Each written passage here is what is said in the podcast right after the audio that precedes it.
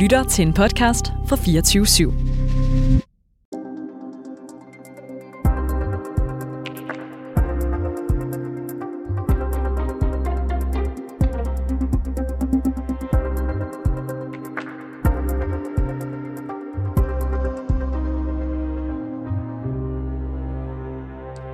Velkommen ind for i øh, studiet her hos øh, reporterne på 24-7. Mit navn det er Cecilie Lange. Og jeg hedder Alexander Vils Lorentzen. Øh, civil lige, der ligger spredt i gaderne med hænderne bundet på ryggen, og ligedele, der stikker op af massegrave.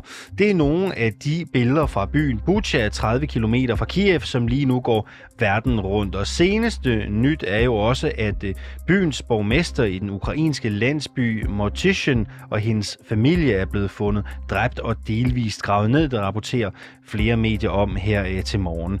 Et af de mange spørgsmål, der rejser sig, når man ser de her billeder, det er jo, hvordan de her meningsløse forbrydelser kan ske. Et svar kan være, at Putins autoritære ledelsesstil gennemsyrer det russiske samfund hele vejen ned, og derfor har Putins soldater måske slet ingen idé om, hvad der egentlig er rigtigt og øh, forkert. Øh, sådan øh, lyder analysen i hvert fald for dig, Jakob Rømer Barfod. Godmorgen. Godmorgen. Du er Ph.D. i militær ledelse, det er du ved Forsvarsakademiet. Hvad er det, du mener med, at Putins ledelsesstil gennemsyrer øh, det russiske samfund? Altså man kan argumentere for, at Putins ledelsesstil ligger i en direkte forlængelse af Ruslands historie og tidligere bestialske russiske statsleders mere eller mindre lemfældige forhold til menneskeliv. Øh, hvis man kigger på en som, øh, som Stalin, så er der mange, der peger på, at han havde øh, op i mod 3 millioner øh, menneskeliv øh, på sin samvittighed, vel at mærke af sin egen folk. Øh, og Stalin han var en kategori for sig selv, hvor nogen peger på, at han myrdede op imod 45 millioner mennesker øh, igen af sine, sine egne. Så russisk lederskab trækker altså nogle lange og blodige spor efter sig. Og når du siger, øh, at Putins ledelsesstil gennemsyrer samfundet, øh, mener du så også, at øh, de russiske soldater ikke er øh, uddannet til at tænke selv? Altså, man kan i hvert fald sige, at øh, der er nogle ting, der peger på, at de ikke får den samme øh, træning øh, og uddannelse i at, at kunne i hvert fald tænke ud fra humanitær folkeret og krigens love, som, øh, som de danske øh, soldater, og for det tages skyld også NATO-soldater, de, øh, de gør. Øh, det er jo vigtigt, når vi træner vores soldater, at, det, at de lærer at tænke selv, og det er noget, som vi opfordrer dem øh, rigtig meget til. Og det ser ikke ud som om, at den form for, for ledelse, som vi i hvert fald fremelsker i træning herhjemme, det er det, vi ser med de russiske soldater. Så man kan godt forestille sig, at den russiske soldat er trænet til at gøre præcis, hvad der bliver sagt. Og bliver der ingenting sagt, så gør han givetvis øh, ikke særlig meget. Øh, så vi vil gerne have, at folk de tænker og de handler selv efter nogle helt overordnede rammer og principper.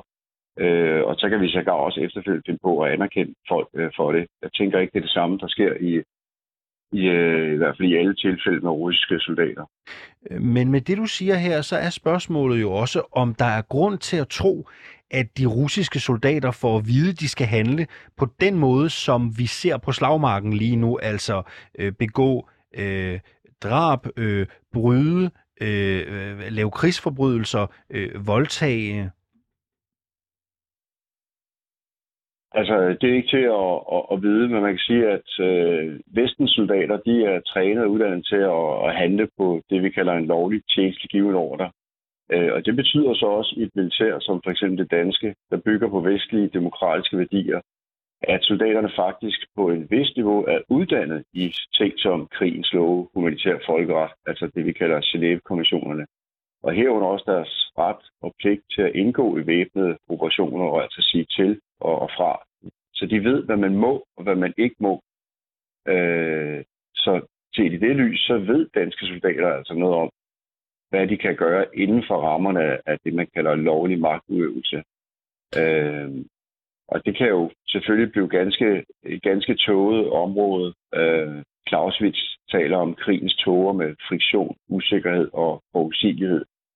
Hvor det kan være vanskeligt at afgøre, hvad er rigtigt og hvad er forkert i den her situation. Så derfor så uddanner vi vores soldater i at træffe hurtige beslutninger på slagmarken, og når de gør det, så skal de stille sig selv tre spørgsmål. Tre afgørende spørgsmål, og det gælder sådan set ikke bare soldaterne, men også stabe og teams osv. For det første skal de spørge sig selv, er det overhovedet lovligt, det her, vi har, har gang i? For det andet, er det overhovedet hensigtsmæssigt? Er det en hensigtsmæssig manøvre, vi har gang i, set i forhold til hensigten med den overordnede mission, vi er sat i verden til at, at løse? Og sidst, men ikke mindst, kan jeg eller vi overhovedet leve med de handlinger, vi nu beslutter os for at, at gøre?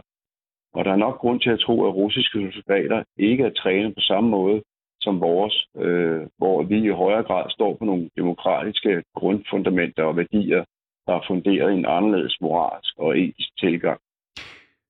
Tror du, at de russiske soldater får ordre oppefra i forhold til at begå øh, drab på civile øh, og voldtage ukrainske kvinder?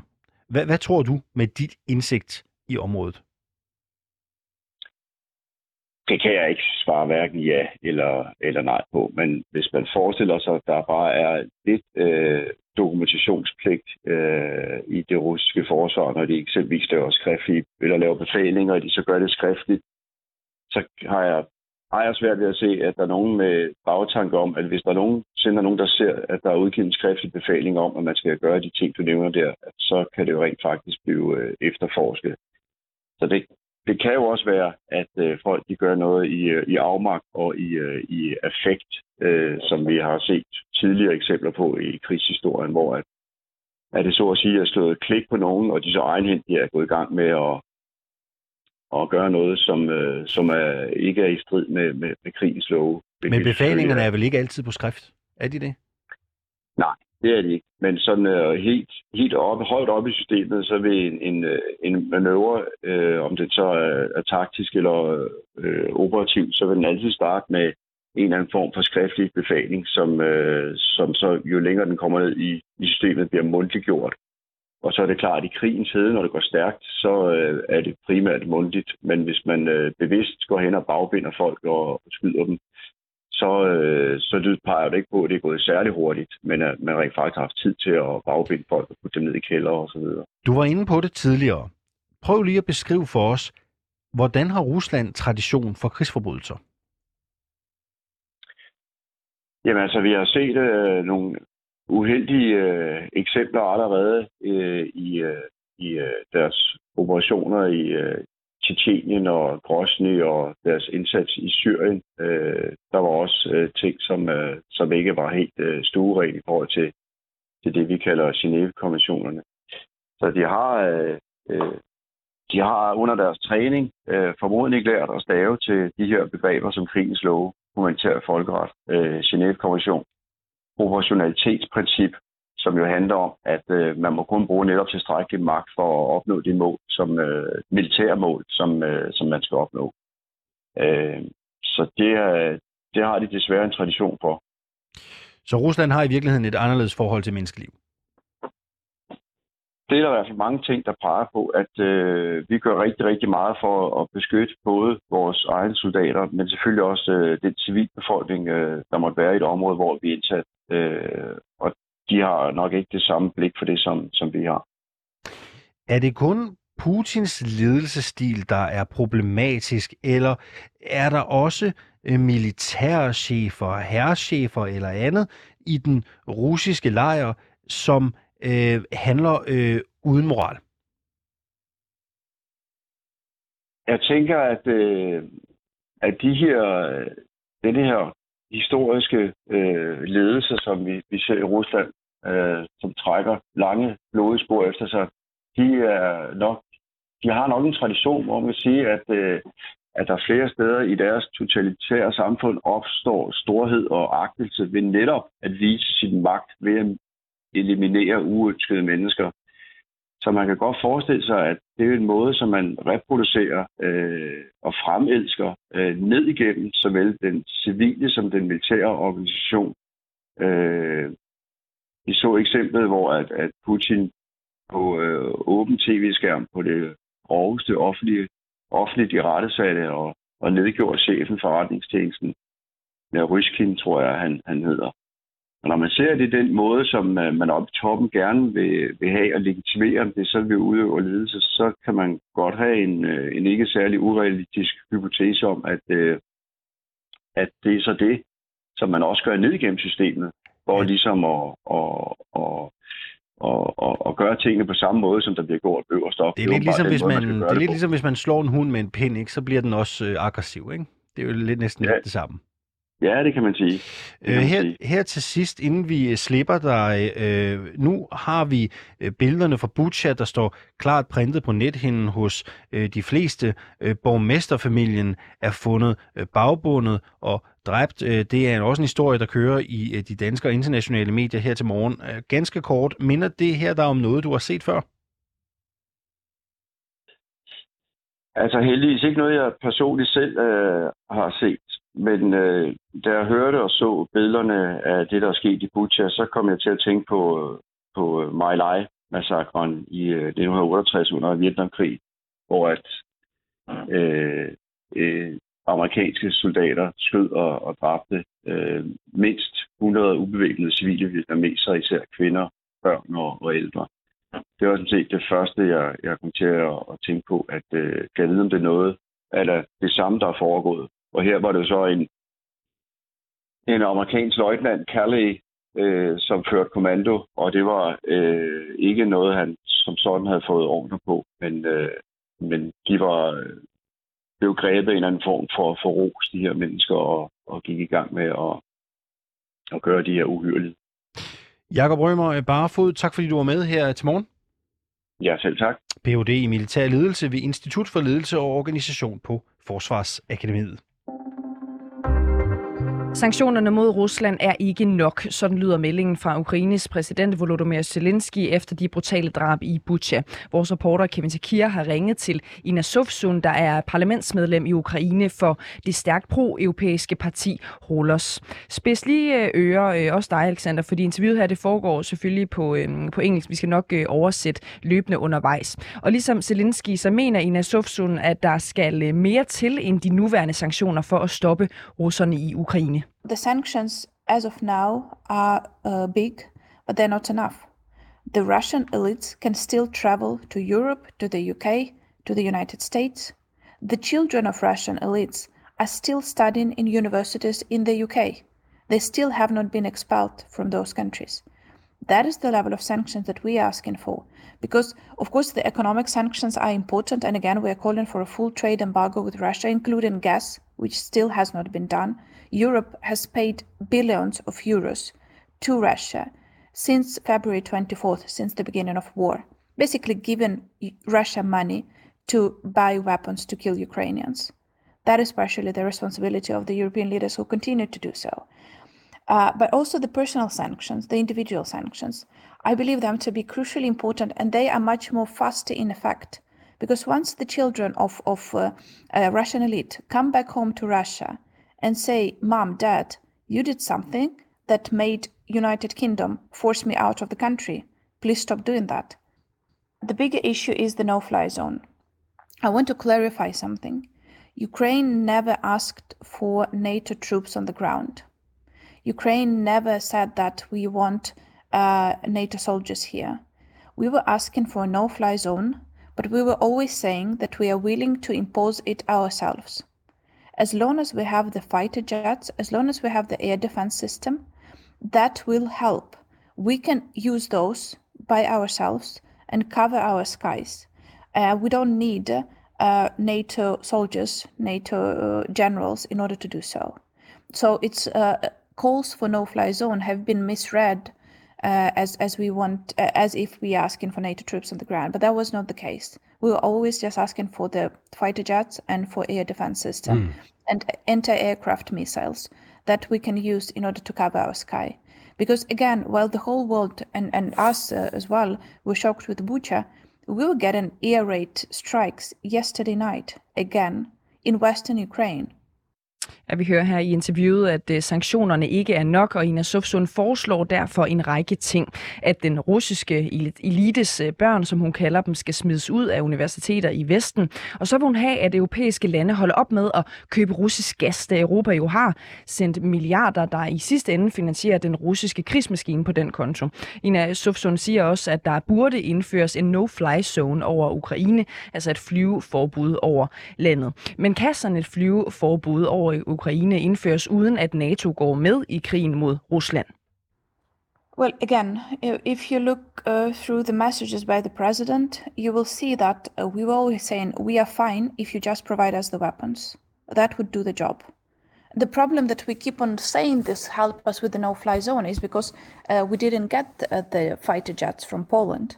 We didn't get uh, the, the air defense system up until recently. Now they're being slowly provided, but the first weeks of war, uh, when the major attacks were taking place from air, uh, we were not having those. So, so this is why we keep on repeating no-fly zone again, not as a call for NATO to come troops on the ground. Never has been the, the major thing that we were asking for. Would we appreciate it? Well, probably, but that was not part of our strategy in terms of, of fighting this war.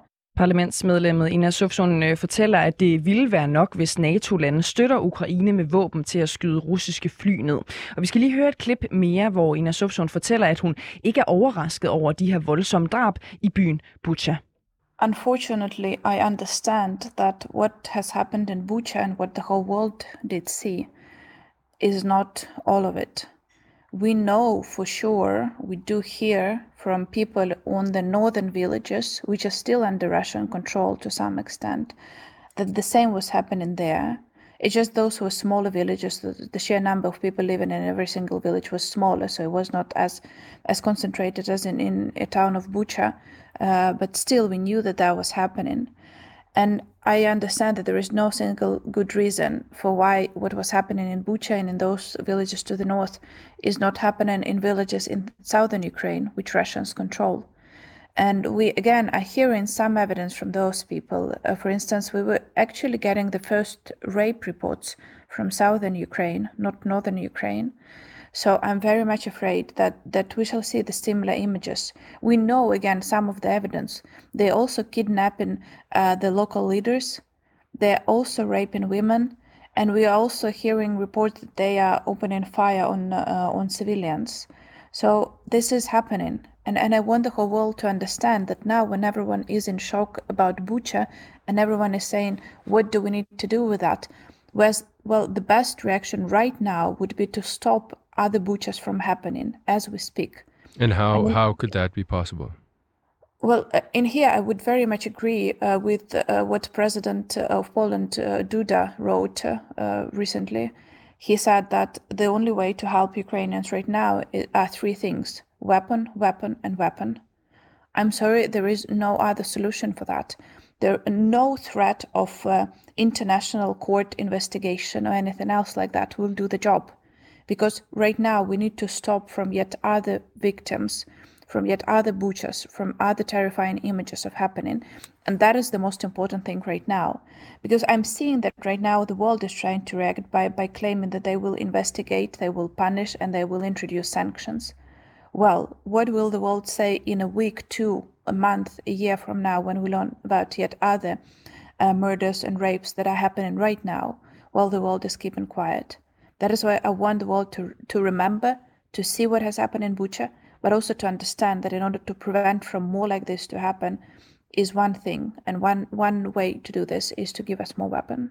At der bliver sagt, at øh, i andre og mindre byer i det nordlige Ukraine, der mener Ina Sufsun, at øh, lignende overgreb finder sted, altså lignende overgreb i forhold til dem, vi også har set i Bucha. Hun har øh, hørt om episoder, hvor soldater har voldtaget kvinder og kidnappet lokale politiske ledere, og at soldater har åbnet ild mod civile. Vi skal understrege, at de her oplysninger kan vi ikke bekræfte her på reporterne.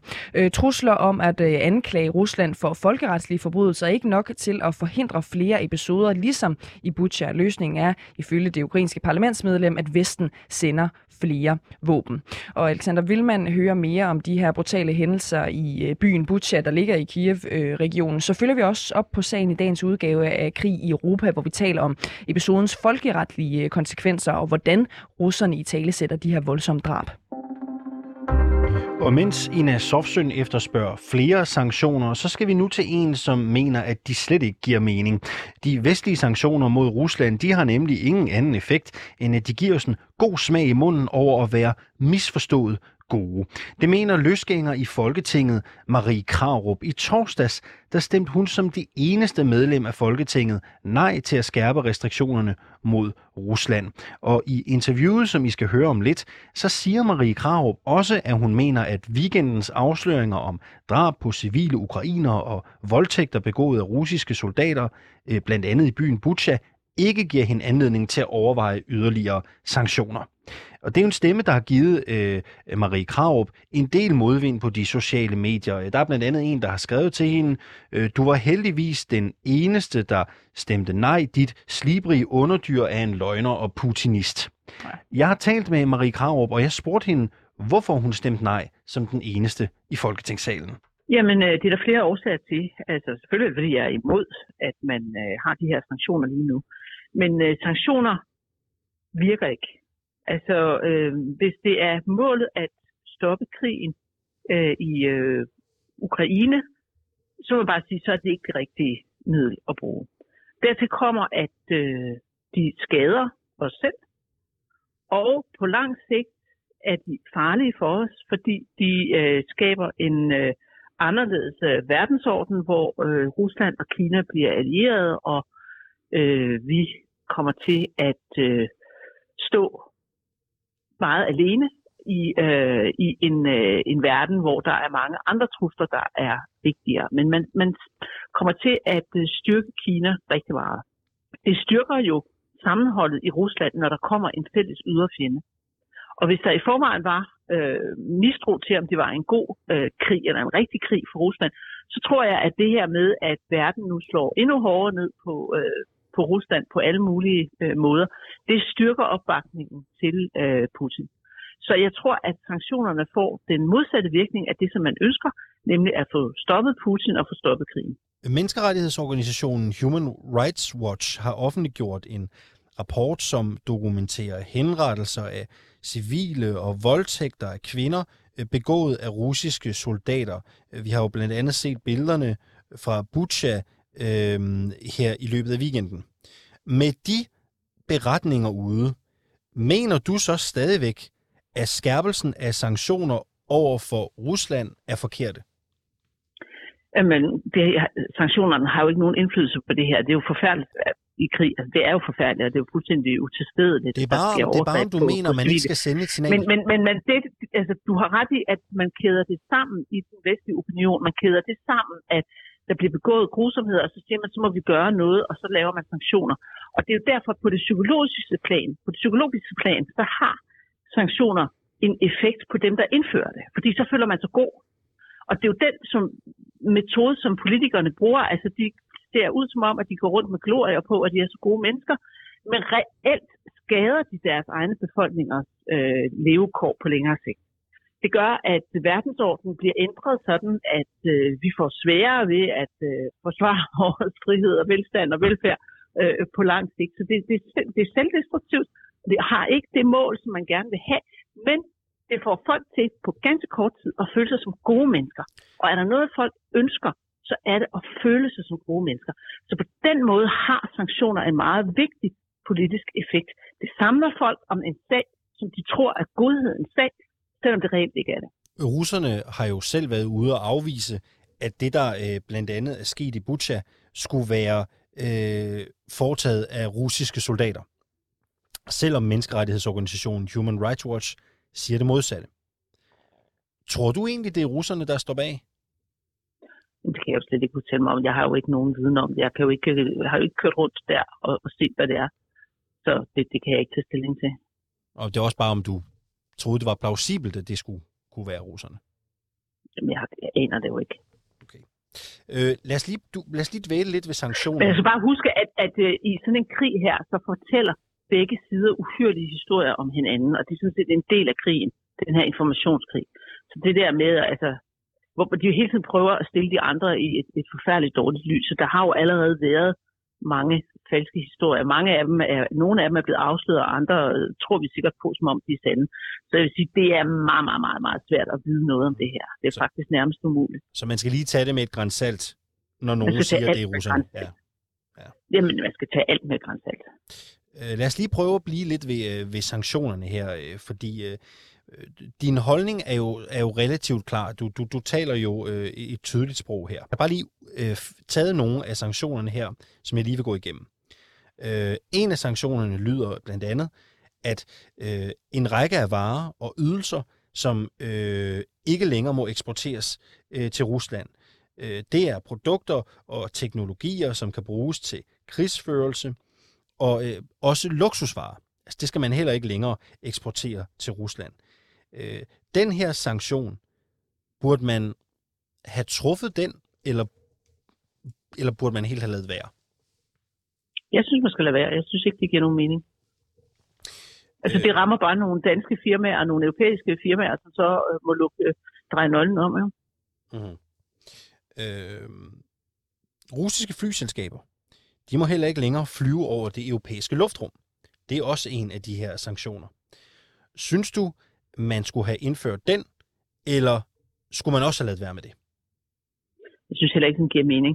Men jeg synes, det der er værst, det er jo sådan set de kulturelle sanktioner, altså hvor man ikke vil have noget som helst samarbejde med Rusland på den kontrol, altså, kulturelle front. Det, altså, det gør os jo kun dummere, ikke? Altså, mm. og gør det sværere at få et øh, fornuftigt øh, samarbejde i fremtiden. Og det er jo ikke sådan, at Rusland synker i havet og forsvinder for altid. Altså Rusland vil jo blive ved med at være der. Så man er jo nødt til altså, at tænke længere en, Øh, altså, altså nødt til at tænke på, altså, at der, der, der kommer også noget efter den her krig. Og er det virkelig sådan, at vi for fremtiden ikke vil have noget med, med russisk kultur at gøre? Det, det er det jo ikke. Lad os lige tage en mere her.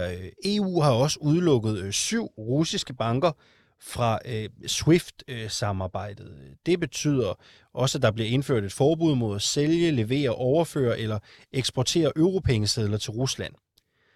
Er det en fornuftig sanktion, eller er den heller ikke fornuftig? Det er en meget ufornuftig sanktion, fordi det jo bare gør, at øh, det bliver meget vanskeligt at, øh, at handle med russerne, og de så i højere grad jo netop, som jeg sagde før, vender sig mod Kina. Det er det, vi ser. Altså, Rusland bliver et øh, råstof appendix til, øh, til Kina, og dermed bliver Kina meget, meget, meget stærkere på kortere tid og kommer til at dominere verden, før end de ellers ville være kommet til det. Øhm, og det har vi slet ikke øh, nogen interesse i i Vesten. Vi har et meget stort kulturelt fællesskab med Rusland, og den vestlige kultur, eller den europæiske kultur, hvis den skal overleve på lang sigt, så ville det være godt, hvis vi var stærke, og det ikke var kineserne, der var stærke. Men nu bliver det kineserne, der øh, får den her fordel af at have øh, adgang til det russiske øh, marked og de, de russiske råstoffer. Kan du nævne en sanktion, der er blevet indført fra den vestlige verden og dermed også Danmark mod Rusland, som giver mening? Nej, det kan jeg ikke. Og hvis, hvis du ser historisk på det, så vil du også se, at sanktioner har ikke nogen øh, effekt. Som regel har det den modsatte effekt af det, som man gerne vil have. Altså i øh, 2014, der indførte man jo sanktioner imod Rusland efter Krim-annekteringen og øh, målet var, at Rusland skulle aflevere Krim, og det er jo ligesom ikke sket vel. Altså, det eneste, der skete, var, at Rusland så indførte modsanktioner imod vores øh, landbrugseksport, så vi selv blev ramt. Og russerne fik øh, til gengæld opbygget et hjemmemarked, som er ret stærkt, så russerne havde på en måde, sådan en indirekte måde, en, en gavn af, af sanktionerne. Fordi de fik mulighed for uden øh, udenlandsk konkurrence at opbygge en, en landbrugssektor, som ellers var meget svag i Rusland. Så øh, sanktionerne havde overhovedet ikke det formål, som man, man ønskede at få. Man har også lavet sanktioner imod oligarkerne, fordi man tror, man har sådan en, en, en fantasi om, at øh, de så vil øh, skifte Putin ud. Og man har bare ikke analyseret situationen ordentligt, fordi det, der sker, er, at oligarkerne er afhængige af, af, af Putin, og øh, de bliver bare mere afhængige af Putin, hvis man øh, sanktionerer deres øh, formuer. I virkeligheden gavner det også øh, Putin, at deres øh, hvad hedder det, øh, penge i, i Vesten bliver, øh, bliver taget fra dem, fordi så er de nødt til at lave forretning i, i Rusland, og det er noget, som Putin hele tiden har forsøgt at tvinge dem til med, med større eller mindre held. Så det, de sanktioner, de, øh, de bygger altså som sagt mere på en folkestemning her af, at man ønsker at se ud som om, at man gør noget godt. Men de er ikke tænkt igennem, og de får ikke det, øh, de kommer ikke til at opnå det mål, som man øh, drømmer om. Altså, mener du, at, øh, at de europæiske lande med deres sanktioner mod Rusland er med til at stille Europa dårligere i verdensordenen? Helt sikkert, ja. Vi skyder os selv i foden hele tiden.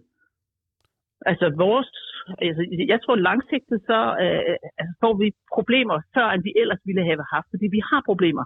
Vi har problemer, at vi er, har en dårlig demografi. Øh, vi har svært ved at opretholde vores øh, egen kultur. Vi har ikke meget selvtillid. Vi har en voldsom indvandring fra den øh, muslimske kulturkreds. Og der er Rusland jo som et andet øh, kristent land jo øh, med en fælles kultur, men også et meget vigtigt ressourceområde for os. Og hvis vi ville overleve, så var det med at have adgang til øh, billig energi jo en rigtig god idé. Nu er vi nødt til at gå tiggergang til øh, Mellemøsten, og det betyder jo også, at øh, vi risikerer altså at øh, skulle være mere hvad skal man sige, imødekommende over for øh, de kulturpåvirkninger, der kommer derfra, også over for Kina. Ikke? Samtidig står vi jo måske med øh, sultkatastrofer foran os, fordi øh, Rusland og Ukraine jo er centrum for øh, verdens øh, hvedeeksport, især til øh, fattige områder. Altså når hvedepriserne stiger, så kommer der sultkatastrofer i øh, de sårbare lande, især i Afrika. Så vi vil få formentlig en, øh, en øget tilvandring til øh, Europa, og der vil vi stå rigtig svagt. Så jeg, jeg tror, at det her øh, med at øh, styrke Kina og svække Europa øh, på grund af Ukrainekrigen her, det er, det er meget, meget, meget farligt for os på lang sigt. Kan vi lære noget af Rusland og Putins agering lige nu?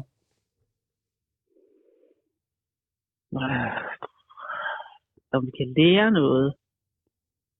Nej, det, altså, man kan jo, altså, vi kan jo lære det, at når folk, når nogle lande har vitale interesser på spil, så bruger de også militære midler.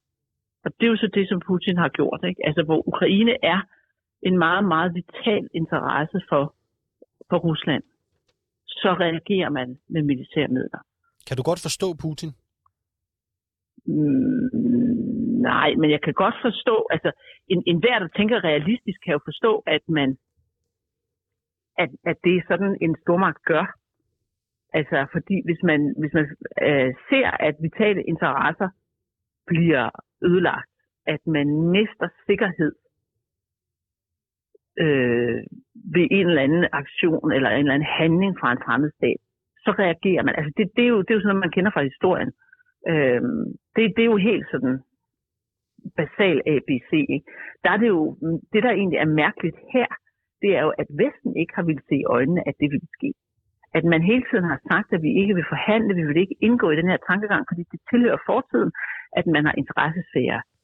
Det tilhører ikke fortiden. Det er meget, meget, meget betalt, og det har det været hele tiden. Og Vesten har selv reageret med interessesfære.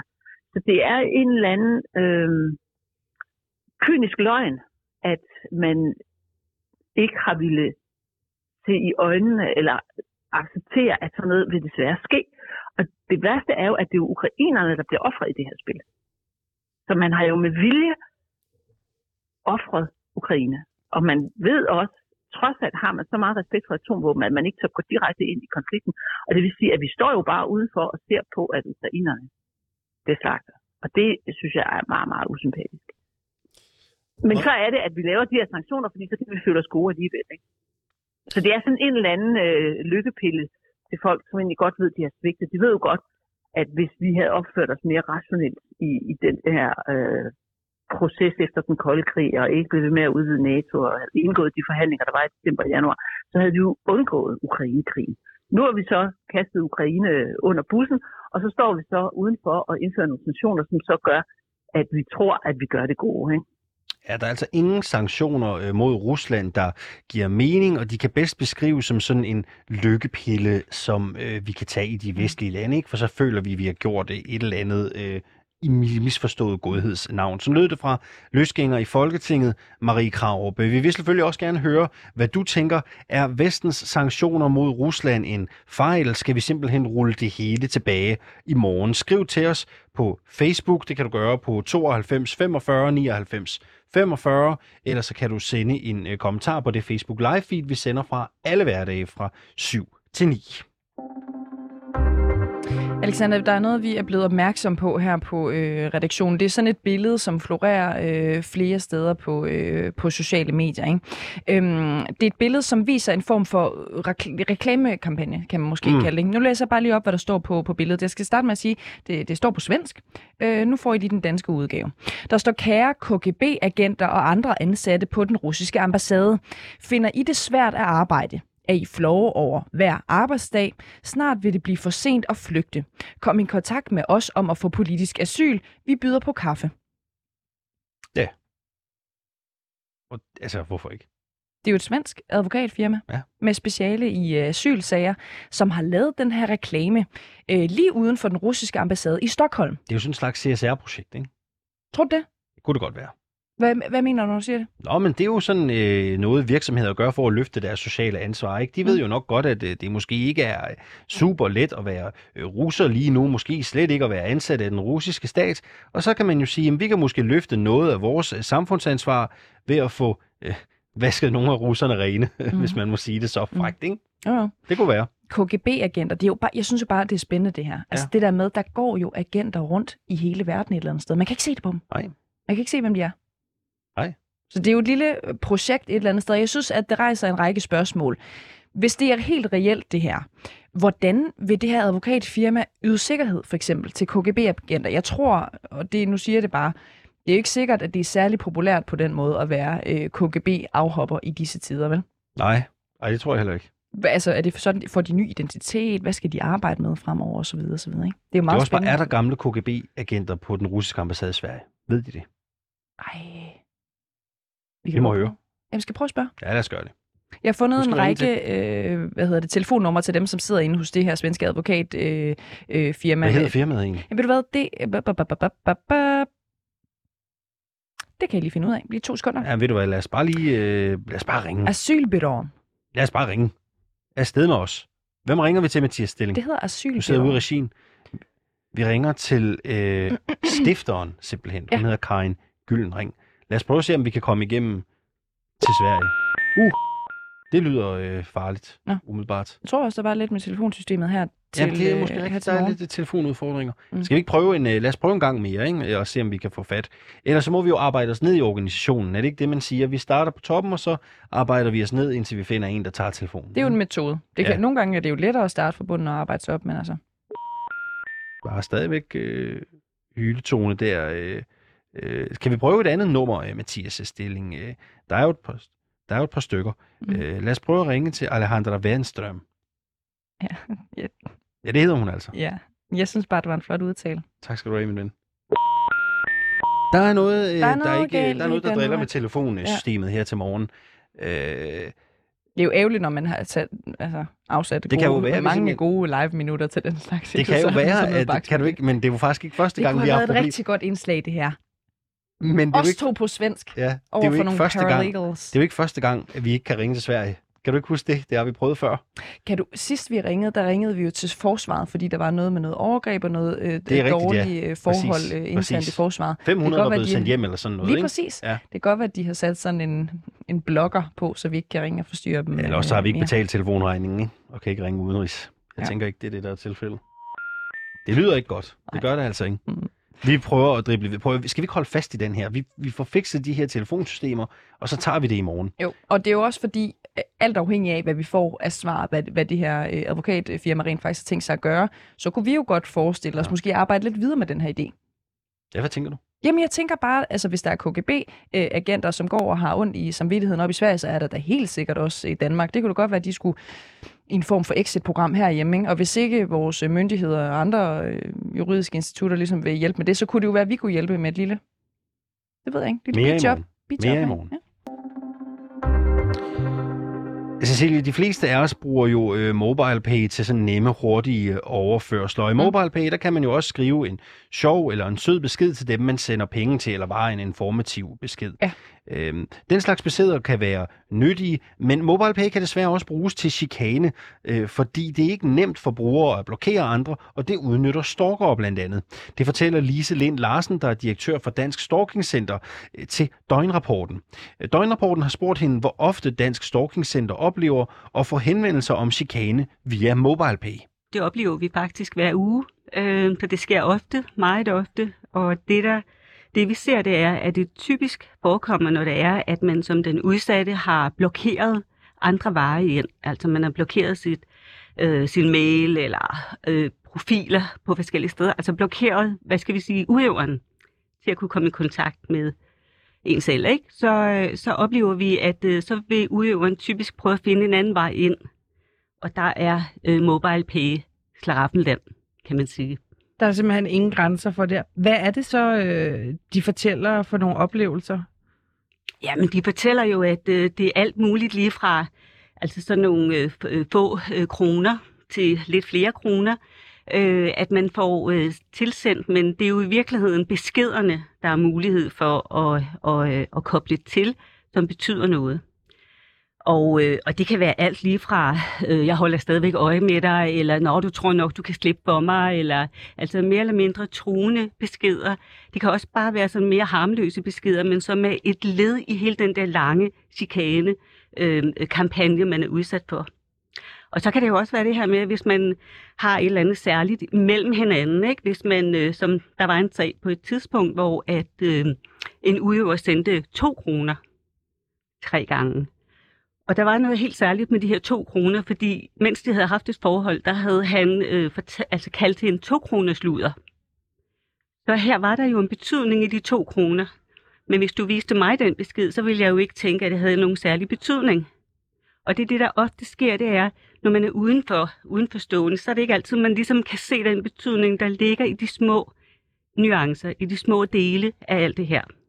Hvad er det, det ligesom kan gøre øh, ved sådan et offer for øh, stalking, at man så øh, egentlig har blokeret personen alle steder, og så modtager man den her besked over MobilePay? Jamen, det er jo sindssygt. Altså, det, det trigger sindssygt meget, ikke? Fordi man tror jo, at nu har jeg faktisk beskyttet mig selv. Nu har jeg faktisk gjort alt, hvad jeg kan. Uagtet, at det burde jo ikke være den udsatte, der skal hvad hedder, hoppe rundt fra det ene til det andet for at beskytte sig. Det burde jo ikke være sådan. Mm. Men sådan er det jo desværre. Og når det så er, at man har været igennem alt det her øh, for at gøre sig fri og beskytte sig, og man så opdager, at så var der alligevel et smuthul. Det, det, det er voldsomt. Det trigger deres angst, det trigger deres øh, PTSD, som mange stalking-udsatte faktisk øh, lider af. Så det, det er ret voldsomt. Mm. Og i virkeligheden, når man ser det sådan udefra, så virker det ikke som noget særligt. Nej, fordi nu siger man, skal ligesom kende historien bag den der to kroner øh, før. Men kan man ikke bare anmelde det til politiet? Øh, jo, det burde man jo gøre. Øh, det burde man jo kunne gøre, men øh, og det er jo også det, vi vil øh, opfordre til. Altså, vi vil da helt klart opfordre til, at man er udsat for de her ting, så søg råd og vejledning. For eksempel ring til Dansk Stalking Center for noget råd og vejledning. Men ellers kan man selvfølgelig opsøge politiet. Men det hele afhænger jo af, ligesom, hvad er det, der ligger bag? Hvad er historien i det her? Øh, og det kan måske være lidt svært at, at bringe ind øh, som bevisførelse. Mm. Kender du til sager, hvor det er blevet meldt til politiet så? Øh, ja, det, det gør jeg faktisk, og det, det her eksempel, øh, som det her eksempel, jeg lige talte om før, der er det blevet meldt, og der er det også blevet, øh, hvad skal man sige, anerkendt som dokumentation for, at det her var jo en fortsat chikane. Det var fortsat stalking. Men altid, når vi snakker om stalking og chikane, nu kalder jeg bare stalking her, så, øh, så skal man altid se på alle de forskellige hændelser. Man må aldrig ligesom tage bare det ene øh, eksempel ud af en større række. Kan I følge mig? Mm. Så det er, det er det her med, at man skal se det i sin sammenhæng. Mm. Ja.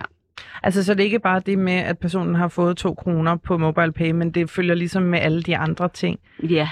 Og hvad, altså, hvad siger folk så, når de øh, ringer ind? At, altså i forhold til det der med, at de så alligevel øh, får pengene ind gennem MobilePay, eller kan få beskeder ind på MobilePay.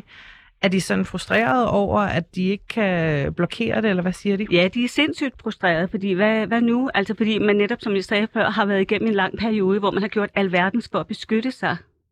Og altså, I skal lige vide her, ikke, at det er jo ikke fordi, at hvis man lige er udsat for stalking og har været det i et par måneder eller sådan noget, så, så kommer hele batteriet af politi og hvad ved jeg, og man får tilhold, og der kommer, øh, hvad hedder det, øh, fængselsstraf og sådan noget. Overhovedet ikke. Så i forvejen, så er man på hælene, ikke også? Øh, så dem, der ringer ind, de er meget frustrerede over det her, der sker. Og at de jo også oplever, at det er deres eget ansvar at skulle beskytte sig. Det, der så er ved det, det er, at øh, vi er jo ret frustrerede over det her også. Ikke? Man kan sige, det er jo en app, som har et godt formål på mange måder. Øh, jeg bruger selv øh, MobilePay, og, og, og det, det er super godt. Men der er bare den her hage ved det, at det kan også misbruges og udøver de snedige og smarte. Så i virkeligheden, så kan jeg jo ikke forstå, vi skriver 2022, vi står her, hvad er det, den 4. april, og det er stadigvæk muligt at øh, kunne bruge MobilePay til at stalke med og ødelægge andre menneskers liv med. Og det burde jo være sådan, at, øh, at man ganske enkelt bare kunne gå ind og blokere øh, den pågældende på den her app, ligesom man kan på mange andre apps. Så jeg vil helt klart opfordre, det er jo danske, øh, øh, det er Danske Bank, som jo står bag MobilePay, og kan slet ikke forstå, at man ikke har taget det her op for længe siden. For der har jo været sager om det her, og man ved det godt.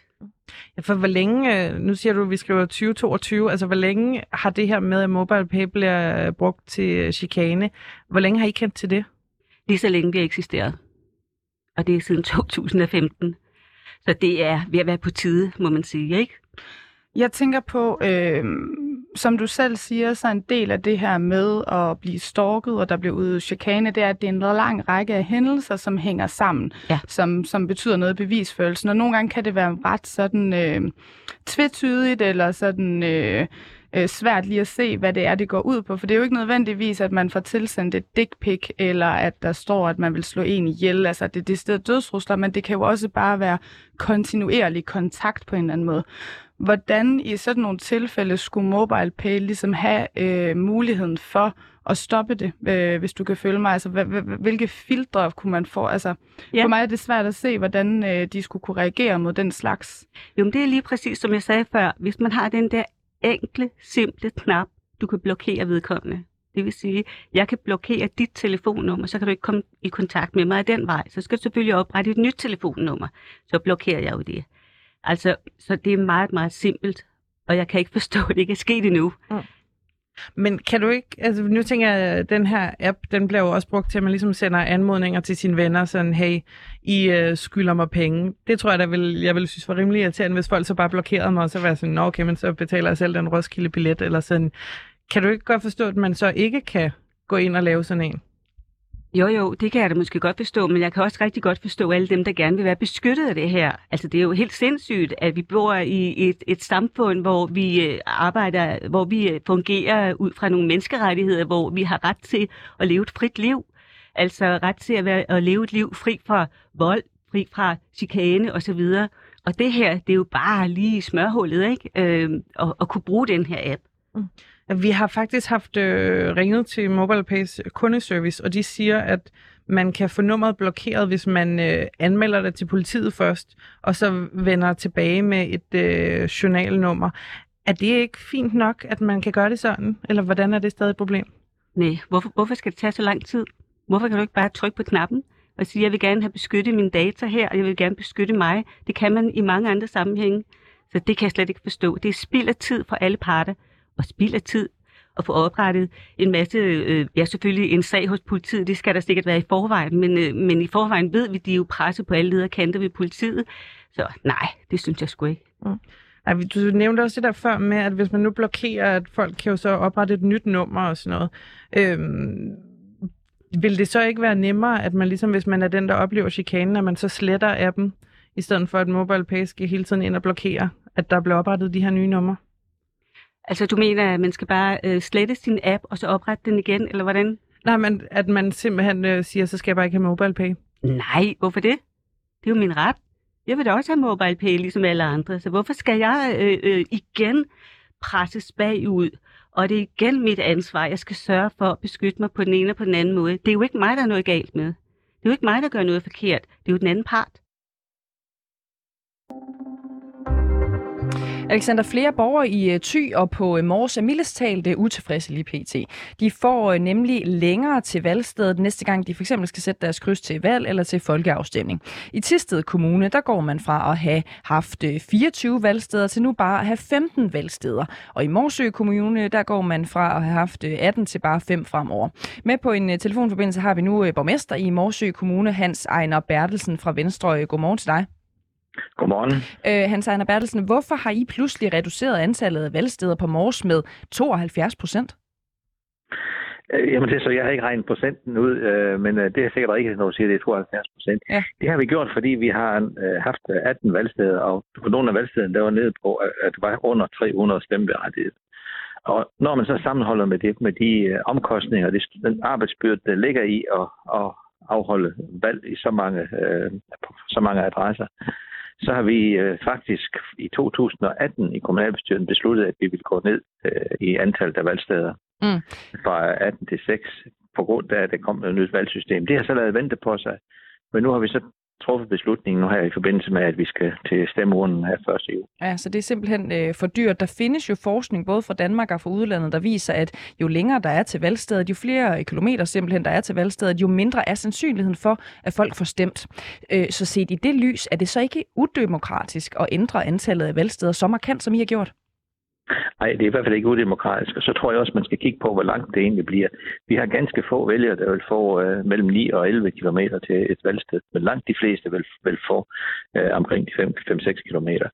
Og vi har samlet øh, valgstederne, de fem, de er de steder, hvor vi har stor, øh, hvor vi har vores idrætshaller, hvor vi har skoler, hvor man er vant til at, at køre øh, hen. Så jeg tror slet ikke, det bliver et problem. Men vi ved jo fra undersøgelser, jo længere der er til valgstederne, jo færre øh, vil rent faktisk stemme. Så det er også derfor, jeg spørger i forhold til, til den demokratiske, øh, det demokratiske aspekt af det her. Jeg tænker også på, altså hvor mange procent af stemmerne kan du egentlig tåle at miste? Lad os sige, at den her handling, vi ved det jo ikke endnu, øh, lad os sige, at den her handling øh, betyder ved næste valg for eksempel, at du får 20 procent færre af stemmerne. Går det fint for dig? Nej, nu tror jeg slet ikke, at man kan gøre det sådan op, for jeg tror ikke, at det er, at, at det er vælgerne fra et parti, der, der så ikke vil stemme.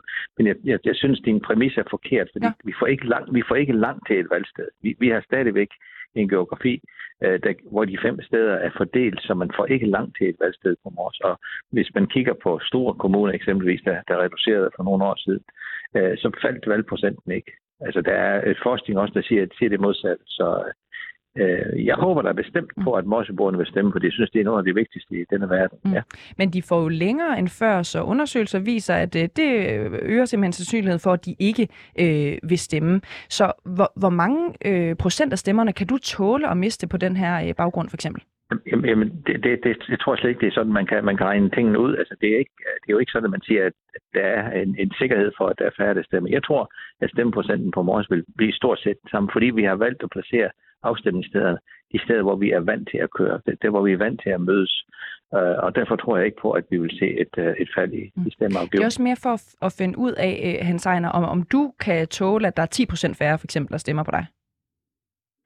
Nej, det kan jeg. Altså, det er jo det, jeg er rigtig ked af, og, og jeg arbejder jo for at, og, hvad skal man sige, at føre en politik, som, som Morsingborgen kan genkende sig selv i, og som de synes, de gerne vil have ført videre, og derfor har tillid til, at, det, at jeg vil være den bedste til at, at stå i spidsen mm. for det. Men kunne du holde og, til det? Nej, det vil jeg ikke, men kan jo, det kan jeg jo blive nødt til, hvis ikke vælgerne har tillid til mig. Men det, ja, det er slet ikke den, uh, det er slet ikke den diskussion, man skal have i det her. Fordi vi har, øh, vi har haft uh, rigtig mange valgsteder. Nu, nu kommer vi ned på, på et, et niveau, som uh, gør, at vi kan sikre en god service, og vi, vi har også en økonomi i det her. Så uh, jeg håber ikke, at jeg mister stemmen på det her. Det tror jeg heller ikke. Hans Ejner Bertelsen, helt kort her til sidst. Ikke? Vi har jo flere omgange hørt uh, dig mere specifikt tale for decentralisering i, i kommunen. Er det her ikke præcis det modsatte? Jo, og det så er jeg du også har ændret... bevidst om. Okay. Nej, det har jeg ikke ændret holdning til, men, men en gang imellem så er man også nødt til at træffe nogle beslutninger, som øh, hvad skal man sige, er rationelt i, at, at det skulle ændres. Så det her det er faktisk det her, det... en dårlig idé, det synes du også selv? Nej, det synes jeg ikke. Jeg synes, det er en rigtig klog idé, og jeg synes, det er, det er godt, at vi får taget beslutningen nu her, så vi kan, vi kan få øh, os, os øh, indstillet på, at det er der, vi skal stemme, og at det er den rigtige beslutning. På så du går ind for det, decentralisering, bare ikke når det kommer til valg, for eksempel? Ja, men det, det, jeg, jeg, jeg køber ikke din præmis, præmis, fordi at det her det er nogle justeringer, som uh, giver god mening, når man kigger på helheden. Mm. Hans Ejner Bertelsen, borgmester i Morsø Kommune for Venstre. Tusind tak, fordi du var med her til morgen. Selv tak. Det er lidt sjovt. Øh, vi er, vi, vi er ved ud af tid, ikke? så vi skal bare sige farvel. Jeg vil bare gerne spørge ham, hvor længe han havde været borgmester. Spørgsmålet er jo, om han har gjort det sværere for folk at vælte ham ved det, at lukke valgsteder. Det er noget, går det tid på det.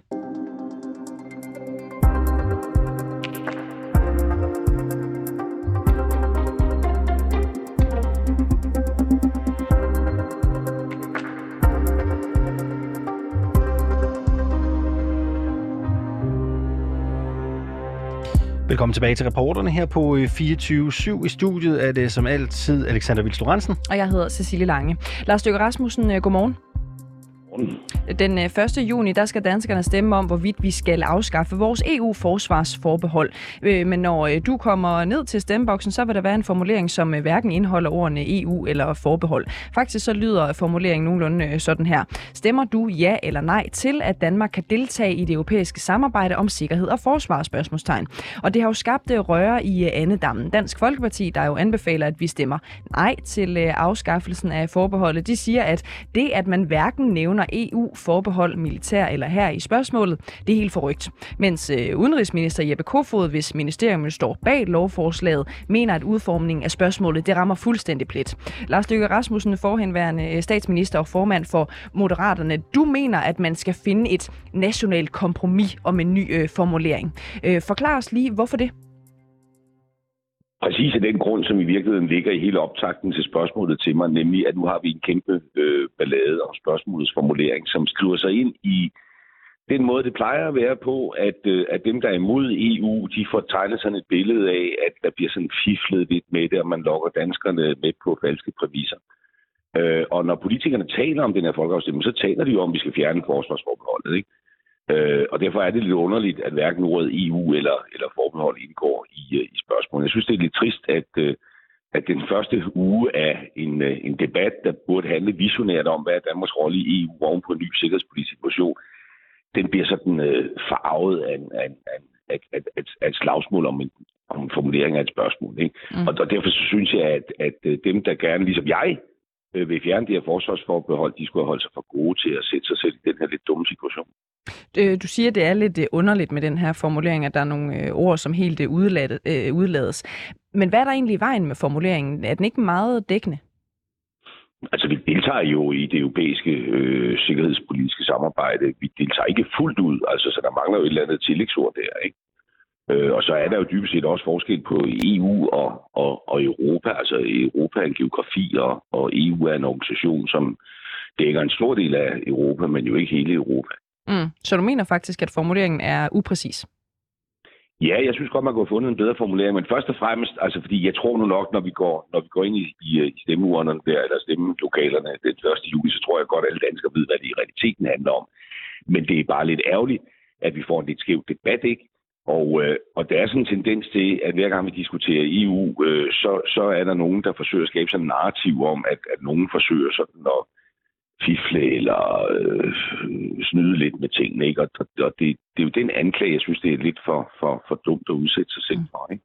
Så du siger, at der er en tendens til, at hver eneste gang det handler om, om EU, så er der nogen, der fifler eller snyder måske lidt øh, med nej, de jeg her siger, ting? Der er nogen, der, nej, jeg siger, der er nogen, der forsøger hver gang ligesom at sætte det narrativ. Okay. Ikke? Og det er jo også det, øh, Morten Messerschmidt gør i det, du læser op der. Ikke? Og, og det synes jeg bare er for, for, for dumt og for ærgerligt at udsætte sig selv for det, fordi det er lidt unødigt. Øh, fordi man kunne have fundet en, en anden formulering, man kunne have samlet alle partierne og sagt, nu skal vi den her folkeafstemning. Øh, vi har nogen, der har forstand på sprog, de har givet nogle bud. Kunne, kunne vi blive enige om en formulering? Det ved jeg ikke, man kunne, men man har jo ikke engang gjort forsøget. Mm. Du skriver i tweet, eh, Lars Løkke Rasmussen, øh, dumt at undlade ordene EU og forbehold. De giver nej-sigerne alt for populistiske kort på hånden. Øh, du er inde på det nu, men prøv lige at forklare os, hvad mener du med det der, altså populistiske kort på hånden?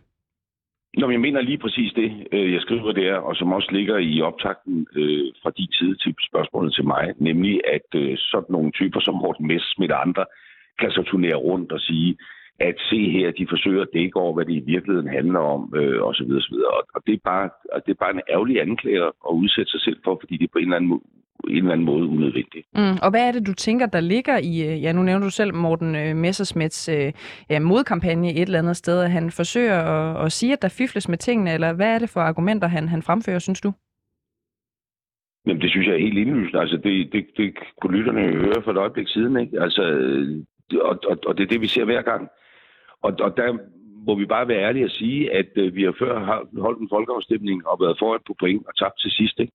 Fordi det er ikke så nemt, og derfor så abonnerer jeg sådan set på, at vi skal have så åben og en ærlig debat med danskerne som overhovedet muligt om de her ting. Og vi har en god sag på en trist baggrund, øh, fordi der er krig i Europa. Øh, vi ser nu nogle øh, krigsforbrydelser øh, på europæisk territorium, Og, og derfor er det sådan set klogt, at vi i Danmark både skruer op for vores forsvarsudgifter, men i øvrigt også, jeg har sagt, melder os under fanerne og siger, at øh, det europæiske samarbejde omkring øh, sikkerhed, øh, der er ved at tage form i regi af EU, det skal Danmark selvfølgelig være med i.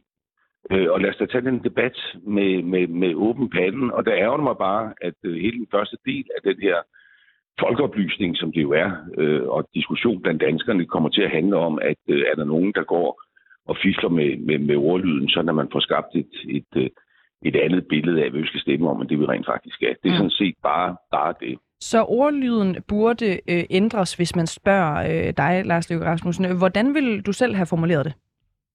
Det er ikke noget præcis bud på, altså, men jeg synes, det er lidt underligt, at vi stemmer om et, øh, et forbehold, uden at ordet forbehold øh, indgår. Ikke? Så, så det burde indgå. Man kunne også lade sig inspirere af Brexit, hvor, hvor man ligesom havde en formulering både på ja og nej, altså bestemmer du ja til sådan og sådan, eller stemmer du nej til sådan og sådan. Mm. Fordi det, det, kritikken går på her, det er, at det på en eller anden måde bliver biased, ikke? altså at spørgsmålsformuleringen ligesom peger mm. et bestemt sted hen. Ikke? Og, og det er en dum øh, kritik at, at udsætte sig selv for. Så det er sådan set bare mit ærne. Og jeg synes, den måde, man skulle have gjort det på, det var, at udenrigsministeren ligesom skulle have taget alle partierne ind og sagt, øh, vi har den her afstemning, hvad er jeres bud på en formulering? Ikke? Og man kunne også spørge kloge mennesker, der har forstand på sprog, om hvordan stiller man det her spørgsmål bedst, hvis det skal stilles neutralt. Mm. Men kan vi ikke få dig til bare måske at komme med et, et udkast eller sådan noget, Lars Løkke Rasmussen? Jeg gå ud fra, at du har også gjort dig nogle tanker om det her, når du kommer med, øh, med kritikken, ikke? Nå, men jeg synes, nej, altså det, det skal jeg egentlig ikke. Altså vi holder det ikke op på det, men bare, bare et ja, udkast. Det op, men øh, nej, men det har jeg ikke noget udkast på. Jeg synes bare, at de her to ord, EU og forbehold, man kunne erstatte det europæiske med EU's øh, sikkerhedssamarbejde, og man kunne have haft tillægsordet fuldt ud mm. for at indikere, at vi jo altså godt kan deltage i noget af det, selvom vi ikke gerne er forbeholdet. Og så burde man måske starte spørgsmålet med at sige, stemmer du ja eller nej til at fjerne forbeholdet, så Danmark kan deltage fuldt ud i EU's forsvars- og sikkerhedspolitiske samarbejde, for mm. Det var da fint udkast. Mm. Dengang du var statsminister, Lars Løkke Rasmussen, der skulle vi jo stemme om, om retsforbeholdet. Ikke? Øhm, på stemmesedlen, der lød formuleringen dengang, forslag til lov om omdannelse af retsforbeholdet til en tilvalgsordning. Og det blev også voldsomt kritiseret af enhedslisten, Dansk Folkeparti og Liberal Alliance blandt andre øh, dengang. Øhm, lidt det samme, som vi ser i dag. Øh, og jeg kan også huske, dengang der var du ikke så meget for at indgå øh, det her kompromis. Øhm, hvorfor var du egentlig ikke det på det tidspunkt? Altså for det første vil jeg gerne sige, at i det spørgsmål, der indgik jo det, vi stemte om. Altså retsforbeholdet. Mm. Det var det, vi stemte om, og det er jo det, der er et forskel fra nu, hvor ordet forbehold ikke er nævnt. Og for det andet, så skal man også lære af sine fejl. Altså helt ærligt, øh, vi husker en folkeafstemning sidst, vi var markant foran på point. Alt tegner til, at danskerne ville omdanne det her forbehold. Vi tabte den afstemning. Og derfor skal man passe på, at man ikke tager for lidt på det, og man skal sørge for at agere klogt. Og det er ikke klogt at udsætte sig selv for den kritik, vi blev udsat for sidste gang, øh, hvor vi tabte, øh, og det er heller ikke klogt at udsætte sig for den kritik den her gang. Så man skal jo lære af sine fejl. Så vil du rent faktisk, hvis det her var sket i dag, og du stadigvæk stad som øh, statsminister, vil du så have, have lyttet lidt og ændret på formuleringen måske? Mm, det, det, det, det er jo svært at stå og kloge sig øh, bagudvendt. Altså, nu mener jeg faktisk, at de, spørg, de spørgsmål, der blev stillet dengang, det, det, var, det, var, det var mere retvisende, end det, der bliver stillet nu. Fordi det adresserede det, vi stemte om, nemlig øh, retsforbeholdet. Altså, og forsvarsforbeholdet er slet ikke nævnt i det her spørgsmål, der stilles den 1. juli. Mm. Hvad vil du have, have ændret, hvis for eksempel du skulle stille et, et bedre, øh, øh, lægge en bedre formulering for dagen øh, i dag, hvis vi tænker på retsforbeholdet? Jamen, jeg synes på mange måder, at det spørgsmål, vi stillede dengang, var retvisende i forhold til, hvad vi stemte om. Fordi det, vi stemte om dengang, det var ikke at fjerne retsforbeholdet, men at omdanne retsforbeholdet til en tilvalgsordning. Det var kernen af det, vi stemte om. Mm. Øh, og det var mere det der med, at I, I tabte jo, øh, Lars Løkke Rasmussen. Så, så hvis, øh, ja. hvis du skulle have vundet dengang... Min, min tid er simpelthen ved at smuldre fra mig nu, øh, er jeg nødt til at sige. Øh, Nå? Ja, men altså... det er fordi, der er et ekstra der møde i UPN, så jeg står faktisk på vej ud af døren. Øh, så kan vi ikke lige prøve lige at summe op, hvad du gerne vil have mig til at sige til sidst her? Jamen, jeg tror egentlig bare, jeg vil have dig til at, spørge, hvad, hvad du vil have ændret øh, dengang tilbage i, i 2015, så du måske kunne have, have vundet afstemning? Ja, men jeg, jeg, jeg, jeg, jeg tror, det er for forsimplet at sige det på den måde. Man kan stille spørgsmål på den måde, så man får øh, vinder eller taber. Jeg tror bare, man skal lære sine erfaringer, og det vi oplevede dengang, som vi også oplever nu, det er, at nogen forsøger at sætte det narrativ, at vi går og, og fifler lidt med tingene. Det, det mener jeg ikke, vi gjorde øh, dengang. Vi spurgte ind til kernen af, hvad afstemningen handlede om. Og jeg har heller ikke øh, grund til ligesom at anklage øh, ja-siden. Den her gang er jo selv en del af det for øh, fifleri. Men det bliver oversat sådan af dem, der vil noget andet end os. Og derfor skal man ligesom samle den erfaring op og prøve på at komme den i møde. Øh, og måden at komme det i møde på nu, det var at stille et øh, spørgsmål den 1. juni, der rummer øh, nogle ord, der ligesom er kernen af det, vi stemmer om. Og det er et forsvarsforbehold, og det er EU, og begge de ord indgår ikke i spørgsmålet. Og derfor udsætter vi os selv for en lidt, øh, en lidt dum kritik, ikke? Mm. Og, det, og det synes jeg ikke, vi skulle gøre. Lars Løkke Rasmussen, øh, forhenværende statsminister og formand for øh, Moderaterne, ud af døren med dig, og, og tak, tak fordi du var øh, med her til morgen. Og nu fortsætter vi vores dækning af brud på forvaltningsloven i børnesager i Langeland Kommune. I dag skal en af de forældre, vi har hørt fra, nemlig have sin tvangsfjernelsesag for Ankestyrelsen. Spørgsmålet er, om det var en korrekt beslutning at tvangsfjerne to tvillingedrenge fra deres mor og installere dem hos en plejefamilie. Håbet for Sandy Hansen er at få hendes syvårige tvillingedrenge hjem til sig igen efter en langtrukken sag, hvor Langeland Kommune blandt andet har brudt forvaltningsloven og skrevet opdigtede diagnoser i hendes journal. I en bil lige nu på vej fra Langeland til Ankestyrelsen i København, der sidder vores kollega Anna Heidorn sammen med Sandy Hansen og socialrådgiver Mie Sejlav. Godmorgen, Anna Heidorn. Godmorgen, Alexander. Godmorgen i studiet. Kan du ikke starte med at fortælle os, hvad det er, der skal ske i dag? Det kan du tro. Altså i dag der skal øh, Sandy Hansens sag øh, behandles i Ankestyrelsen, og det vil sige, at Ankestyrelsen skal øh, kigge på den indstilling, øh, som øh, børn- og ungeudvalget i sin tid også kiggede på, øh, for at finde ud af, hvad der skal ske i sagen. Om, øh, om Sandy Hansens drenge skal hjemgives til hende, altså komme hjem til hende igen, eller om de vil stadfæste øh, det, som børn- og ungeudvalget valgte i sin tid, nemlig at drengene skulle tvangsfjernes. Kan du sige et par ord om, hvad det helt konkret er, der kommer til at ske, når øh, de træder ind i Ankestyrelsen i dag? Ja, øh, advokat Jeanette gør, at hun skal jo, øh, hun har en halv time i Ankestyrelsen til at gennemgå de bilag, som, som Ankestyrelsen har fået tilsendt på forhånd. Og øh, det, der jo er, øh, det, der bliver den store opgave, det er at øh, først og fremmest øh, nedlægge en påstand om, at drengene de skal hjem igen. Og her, øh, herunder, der skal vi, de øh, Ankestyrelsen forholde sig til, øh, at, at øh, begge drenge, særligt den ene af drengene, er, er i mistrivsel. Og at øh, Sandy Hansen jo øh, gennem samværsrapporter kan dokumentere, at, øh, at hun er en, øh, en kompetent øh, og kærlig mor, der er klar til at få sin dreng hjem igen. Og efter det, sekundært kan man sige, der, øh, der vil Jeanette Gørt også lægge øh, vægt på den her ja, den her øh, sagsoplysning, der har været til Ankestyrelsen. Kommunen, øh, Langland Kommune har jo valgt at sende de samme bilag ind til dem, til Ankestyrelsen, som de sendte ind til børne- og ungeudvalget, som altså traf den øh, første afgørelse. Og der er jo, som øh, vi også har dokumenteret øh, på rapporterne, været en hel masse fejl og mangler i det materiale.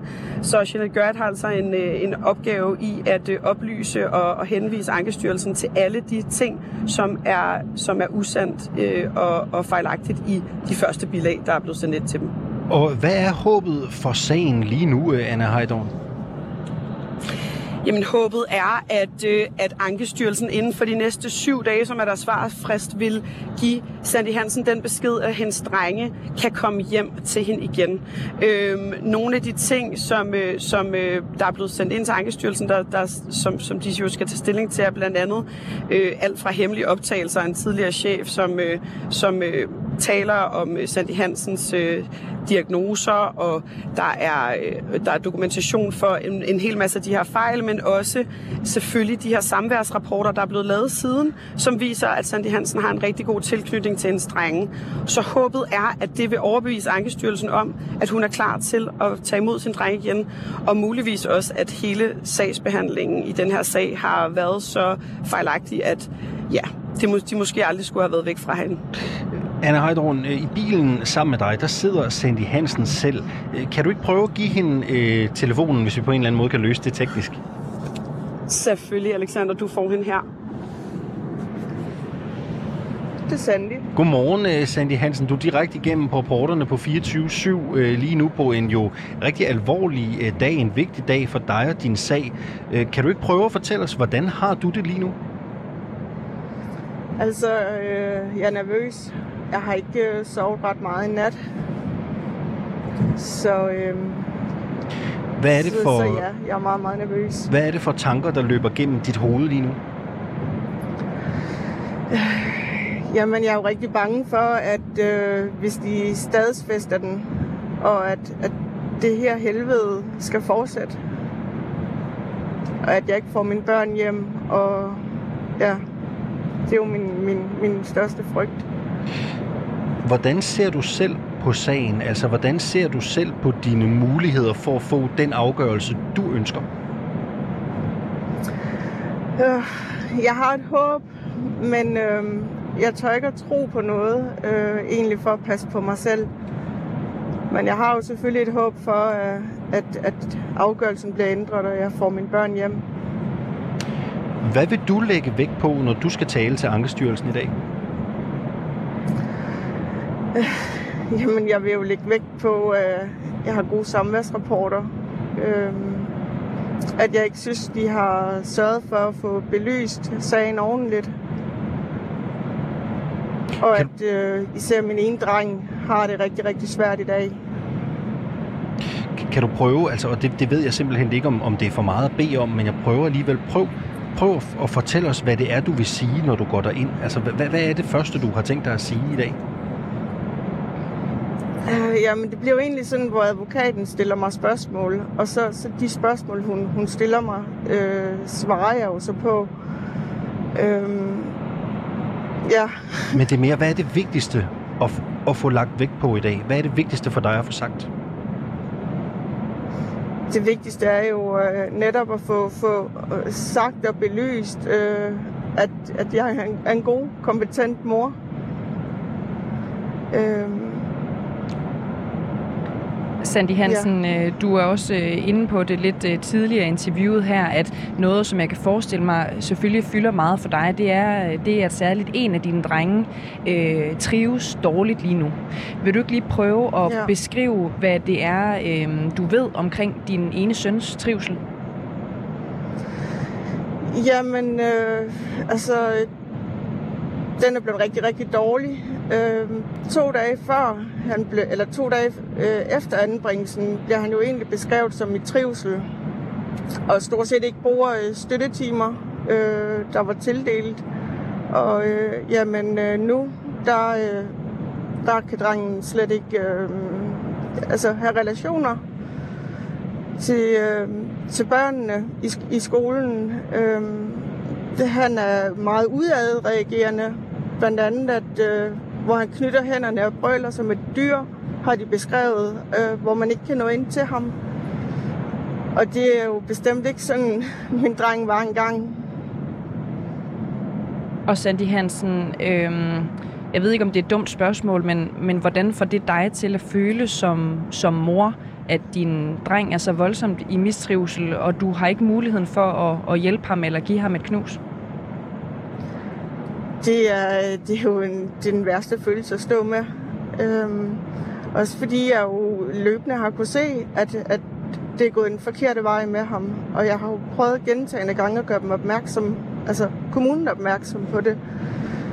Øhm, så det er den værste følelse øh, at stå med. Sandy, at, at jeg ikke kan gøre noget.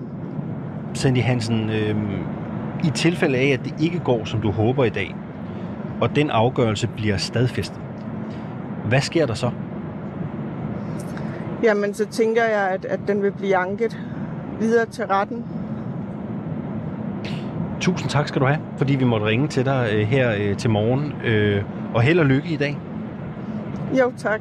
Så lød det altså fra en øh, bil på vej fra øh, Langeland til øh, København med Sandy Hansen og øh, vores øh, kollega øh, Anna øh, Heidorn. Øh, de er på vej til Ankestyrelsen, fordi de skal tage stilling til, hvorvidt Sandy Hansens tvillingedrenge skal hjem til deres mor eller forblive tvangsfjernet i den her sag, øh, hvor vi altså her på reporterne har fortalt, at der er blevet begået lovbrud i sagsbehandlingen. Sandy Hansen hun forsvar senest syv dage efter mødet i dag, og vi bringer naturligvis afgørelsen på den her sag her i reporterne.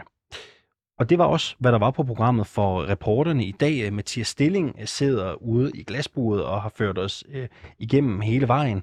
Øh, husk, du kan altid høre øh, af det her afsnit og alle andre afsnit af reporterne, der hvor du henter din podcast, ligesom du kan sende idéer til programmet her på vores mail, reporternesnabelag øh, 247.dk.